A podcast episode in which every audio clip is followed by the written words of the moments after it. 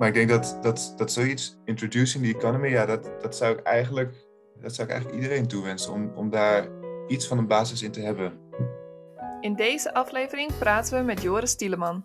Joris is auteur van het boek Economy Studies. Het boek dat jou kan helpen om het economieonderwijs te veranderen. Met dit boek heb jij de handvaten waar je zo lang op hebt gewacht. Want hoe verander je het economieonderwijs en waar begin je als je denkt dat het beter kan? Joris vertelt hier alles over. Ook bespreken we hoe je een boek schrijft vanuit een beweging. Dit en meer hoor je allemaal in deze aflevering, dus laten we snel beginnen. Hey Joris, dit is jouw debuut als medewerker van One op de podcast. Je zit hier vandaag als schrijver van het boek Economy Studies, die net nieuw is uitgekomen. Wat is Economy Studies voor de nieuwe luisteraar? Ja, Julika, dankjewel voor de uitnodigen. Economy Studies is een gereedschapskist voor het herzien van economisch onderwijs. Dus dat houdt in, er wordt op heel veel plekken wordt er economieonderwijs gegeven, op universiteiten, hogescholen, middelbare scholen. En dat onderwijs is op al die plekken enigszins eenzijdig, enigszins abstract en vaak niet erg gerelateerd aan de problemen waar we als samenleving met z'n allen voor staan. Het is, het is wel nuttig, maar het mist van alles. Dat is ook een groot deel van de missie van One, om daar iets aan te doen. En dit boek is een gereedschapskist om, om onderwijs te herzien. En hoe, bijvoorbeeld als je het hoger onderwijs eruit pikt, hoe doe je dat dan? Waar, waar begint het boek mee? Ja, het boek bestaat eigenlijk uit drie delen. In het eerste deel leggen we de filosofische en inhoudelijke basis. Dus daar, daar kijken we naar wat is economieonderwijs? Waarom, waarom steken we daar als samenleving zoveel energie in?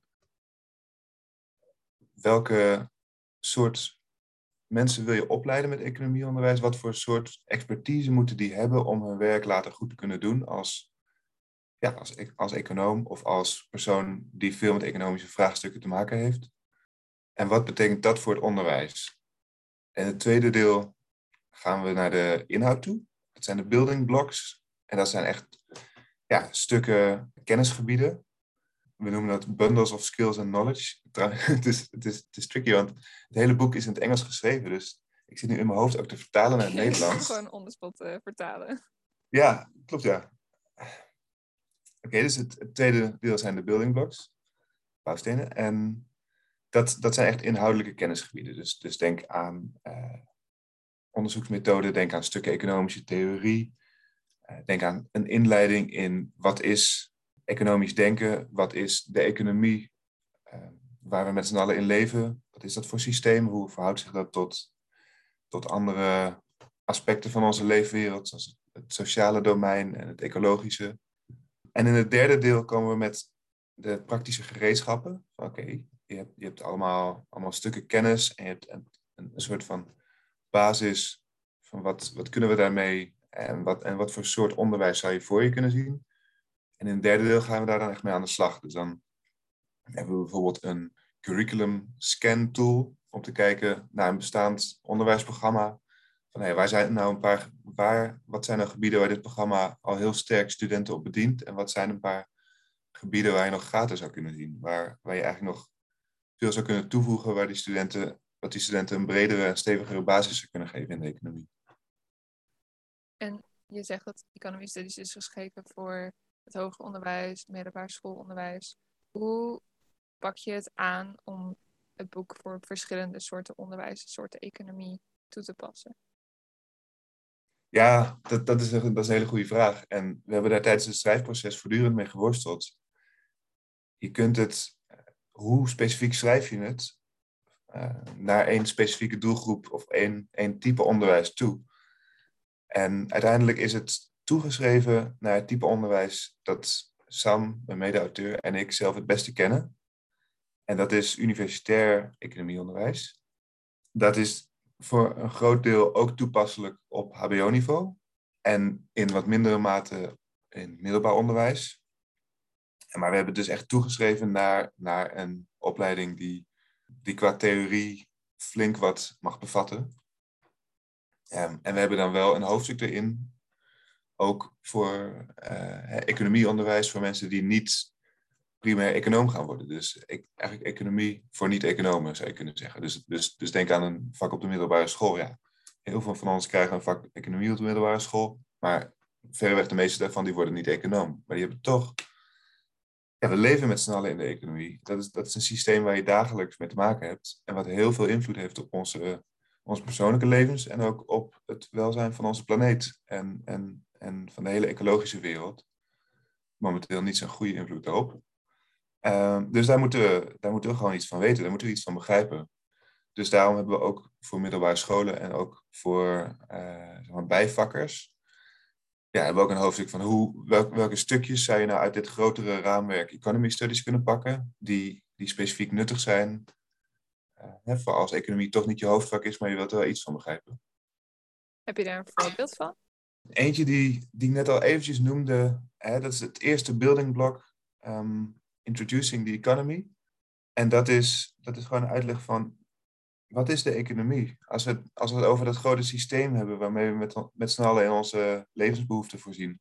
En wat, wat zoveel invloed heeft op de aarde. Ja, hoe, hoe kun je dat systeem als geheel een keertje zien? En, en, en hoe is dat ingebed in, in de hele samenleving, in, in, het, in, het, in het grote sociale systeem dat we de samenleving noemen?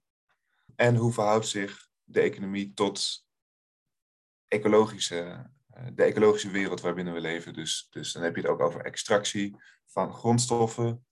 En aan het eind van de keten het lozen van allerlei dingen die we niet meer willen. Op ja, betere of minder goede manieren. Maar ik denk dat, dat, dat zoiets, introducing the economy, ja, dat, dat, zou ik eigenlijk, dat zou ik eigenlijk iedereen toewensen. Om, om daar iets van een basis in te hebben wat is nog meer zo'n goed, goed voorbeeld?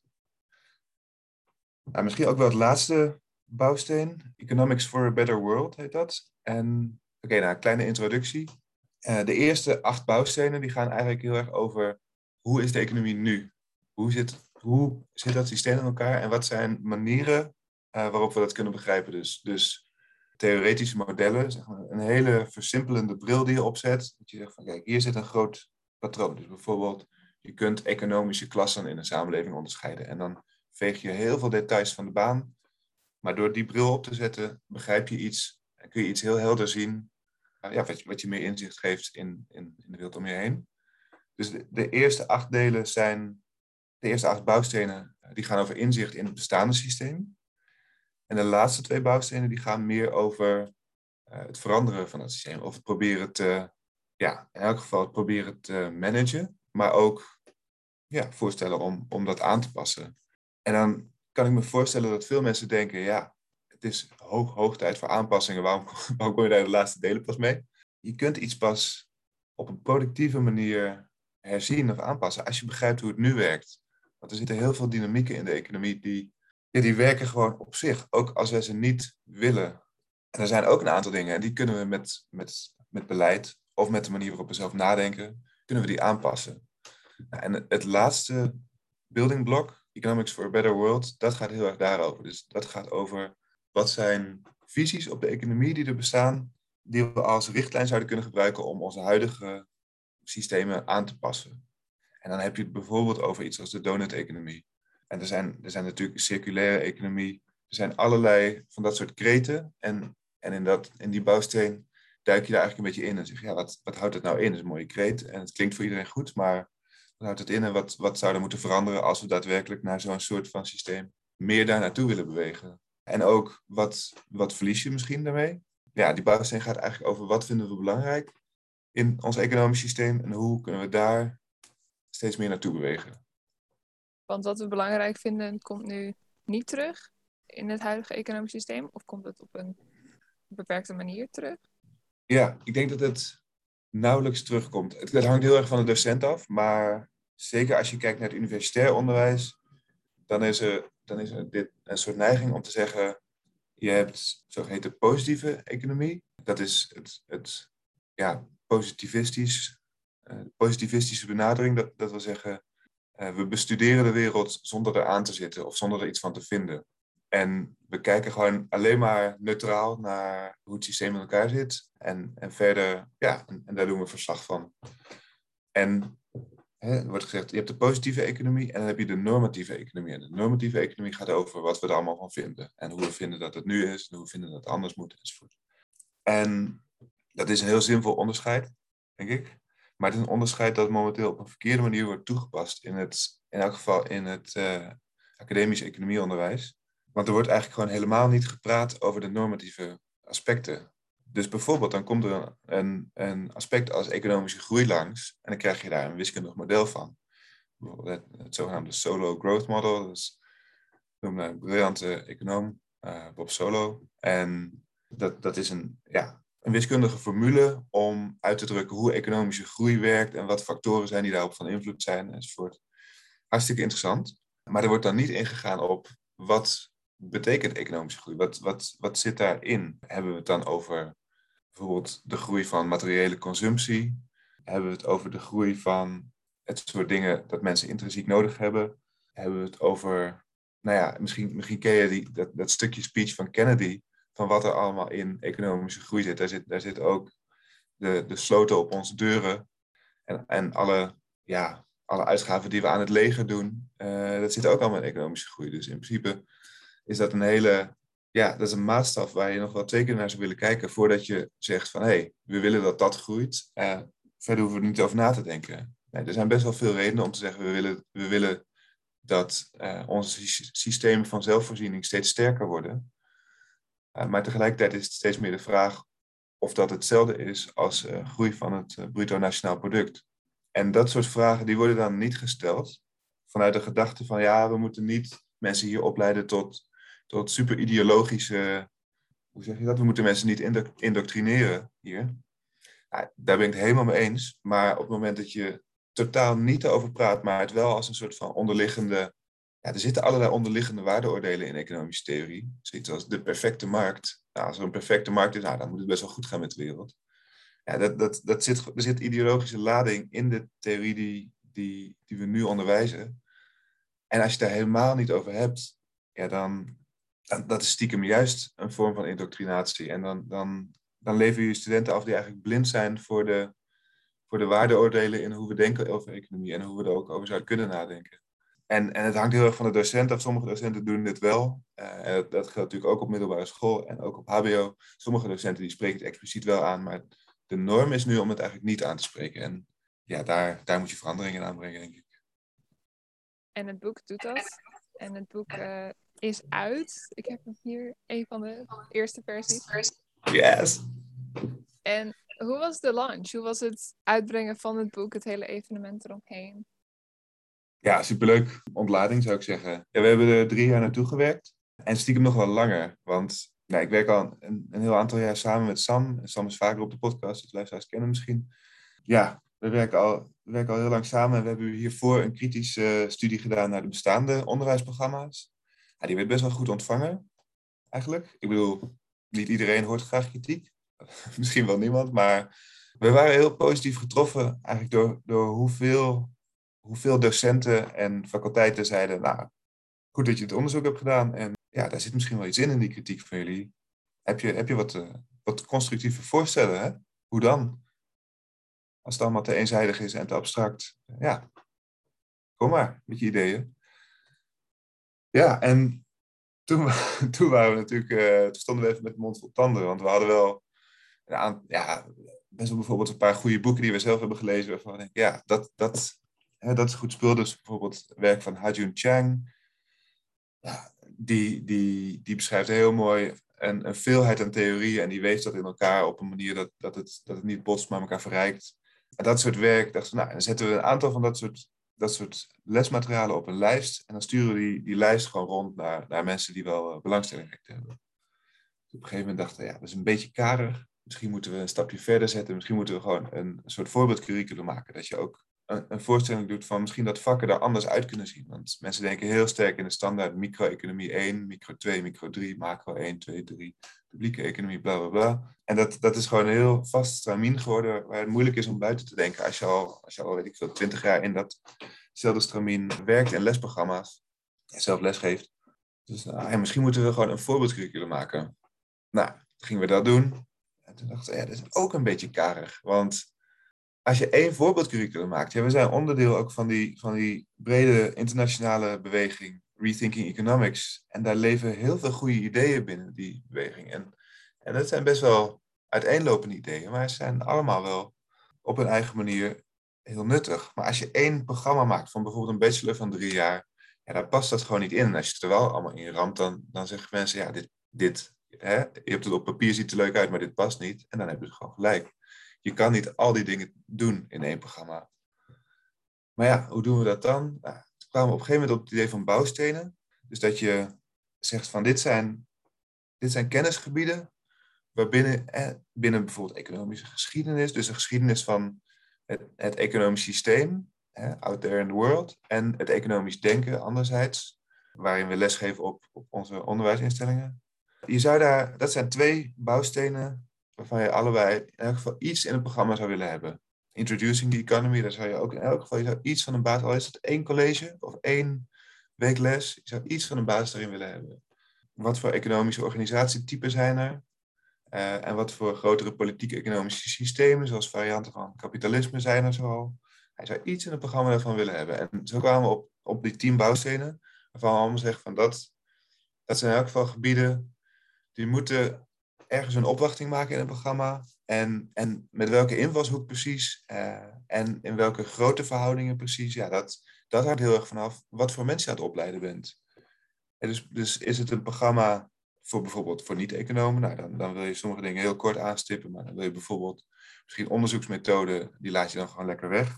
Je wilt mensen een intuïtie voor het systeem meegeven, maar ze gaan niet academische papers schrijven, dus laat dat stukje maar zitten. En wil je mensen een, een, een driejarige bachelor of een, een onderzoeksmaster geven, dan zou je daar juist heel zwaar op inzetten.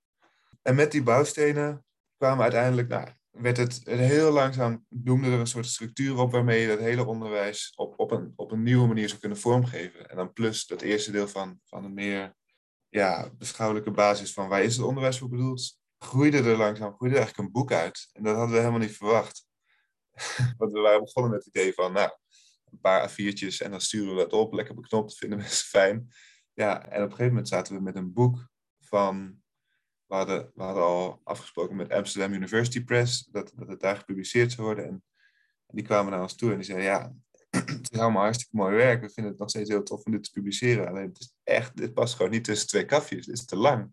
Kun je daar niet, nee, kun je daar niet? Nee, daar moet je wat uitsnijden. We zetten hier een hard maximum van een woordenaantal neer. Toen moesten we zelfs terugbrengen naar nu een dikke 460 pagina's aan boek. Plus nog eens misschien 200, 300 pagina's extra materiaal. Verdieping op, op al die deelgebieden van die building blocks. Verdieping op, op al die theoretische gebieden. Voor als je daar, als je in dat specifieke gebied wil doorzoeken, nou, dan, dan, dan hebben we een hele lijst onderwijsmaterialen. En dan hebben we een hele range aan, aan ideeën voor hoe het onderwijs eruit kan zien. Nou, dat stuk van die verdieping hebben we uiteindelijk op de website ondergebracht. Dus het was, het was nogal een monsterbaby. En uh, ja, het was wel, was wel fijn om die ook zo de wereld in te zetten. Ja, dus, dus de launch was wel een ontlading. Want alles wat uit het boek is gesneden is niet verdwenen. Dat staat nu op de website. Dus het Economy Studies is niet alleen een boek. Het is ook een website. En wat, wat kunnen mensen met de website? De website is, uh, is een paar dingen. Dus allereerst het hele boek. Dus het hele boek is, moet ik even bijzeggen, het hele boek is open access. Uh, dat houdt in dat iedereen het gratis mag lezen, uh, zonder, zonder daarvoor te betalen. Je kan de pdf van het hele boek downloaden van de website. Je kan elk hoofdstuk los downloaden en je kan ook losse hoofdstukken lezen op de website. Dus we hebben het hele boek in websitevorm ja, nou, op de website gezet. Dat is ook fijn, want dan kun je wat makkelijker uh, kruisverwijzingen doen. Want er zitten, ja, het is, het, is, het is echt een raamwerk waar we de hele tijd naar verschillende hoofdstukken en verschillende bouwstenen verwijzen. En dat gaat heel makkelijk op een website, dus dat is wel fijn.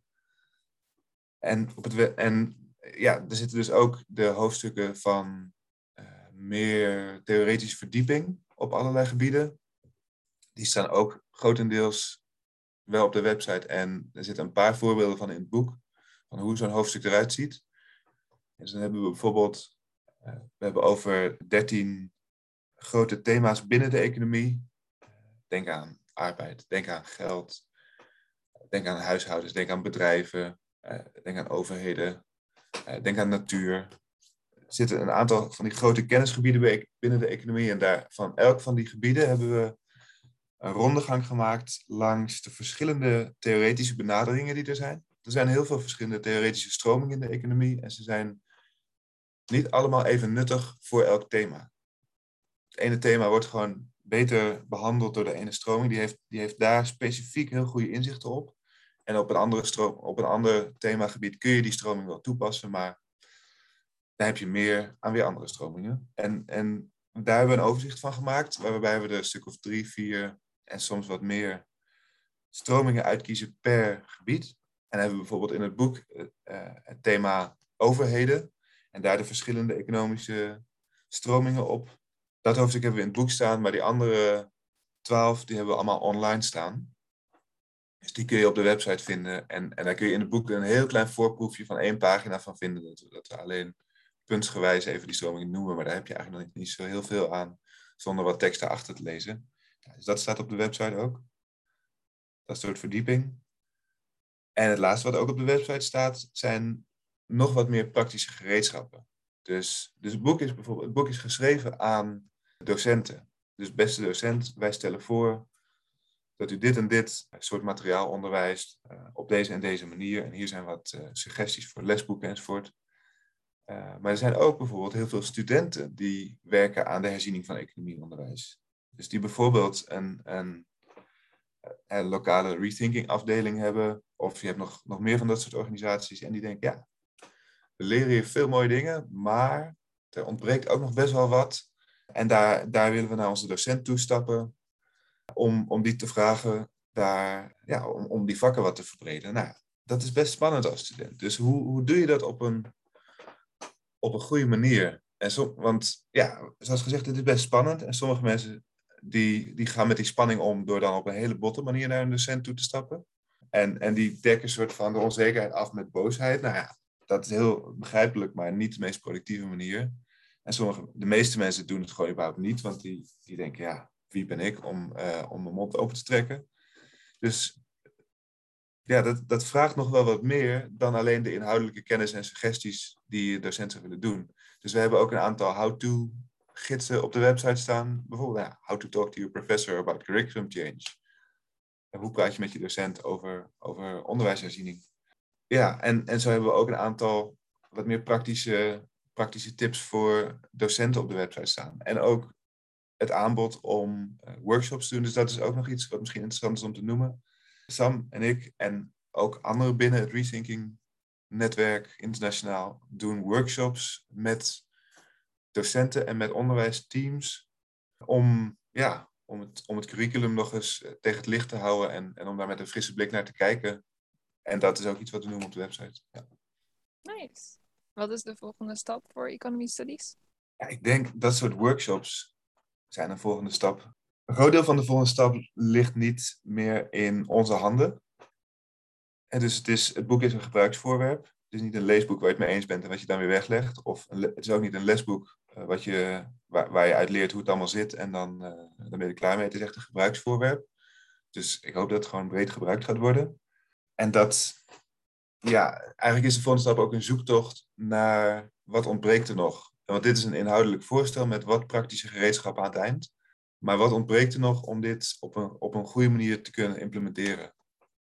En dat, dat is, dat, ja, het antwoord komt alleen maar uit de praktijk en dat gaat de komende maanden verschijnen. Ja, dan, dan willen we die gereedschappen gaan maken samen met, samen met mensen die in de praktijk aan het lesgeven zijn. En wat is je hoop voor het economieonderwijs? Dat is een grote.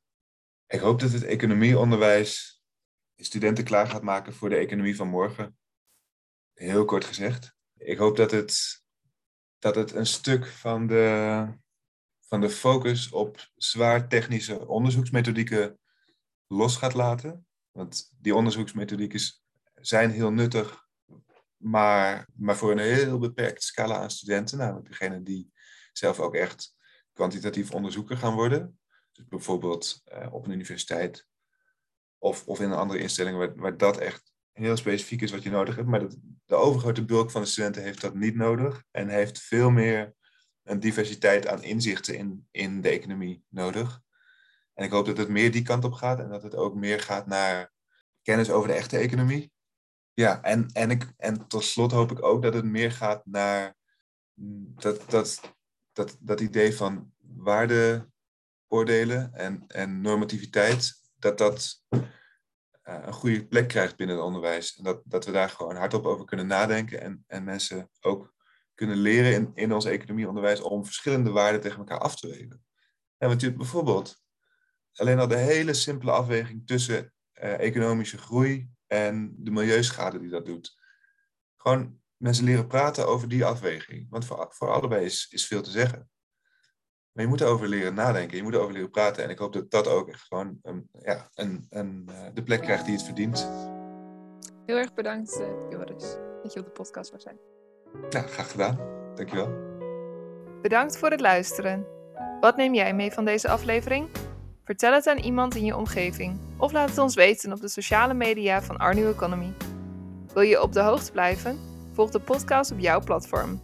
Voor nu, bedankt voor het luisteren en tot de volgende keer.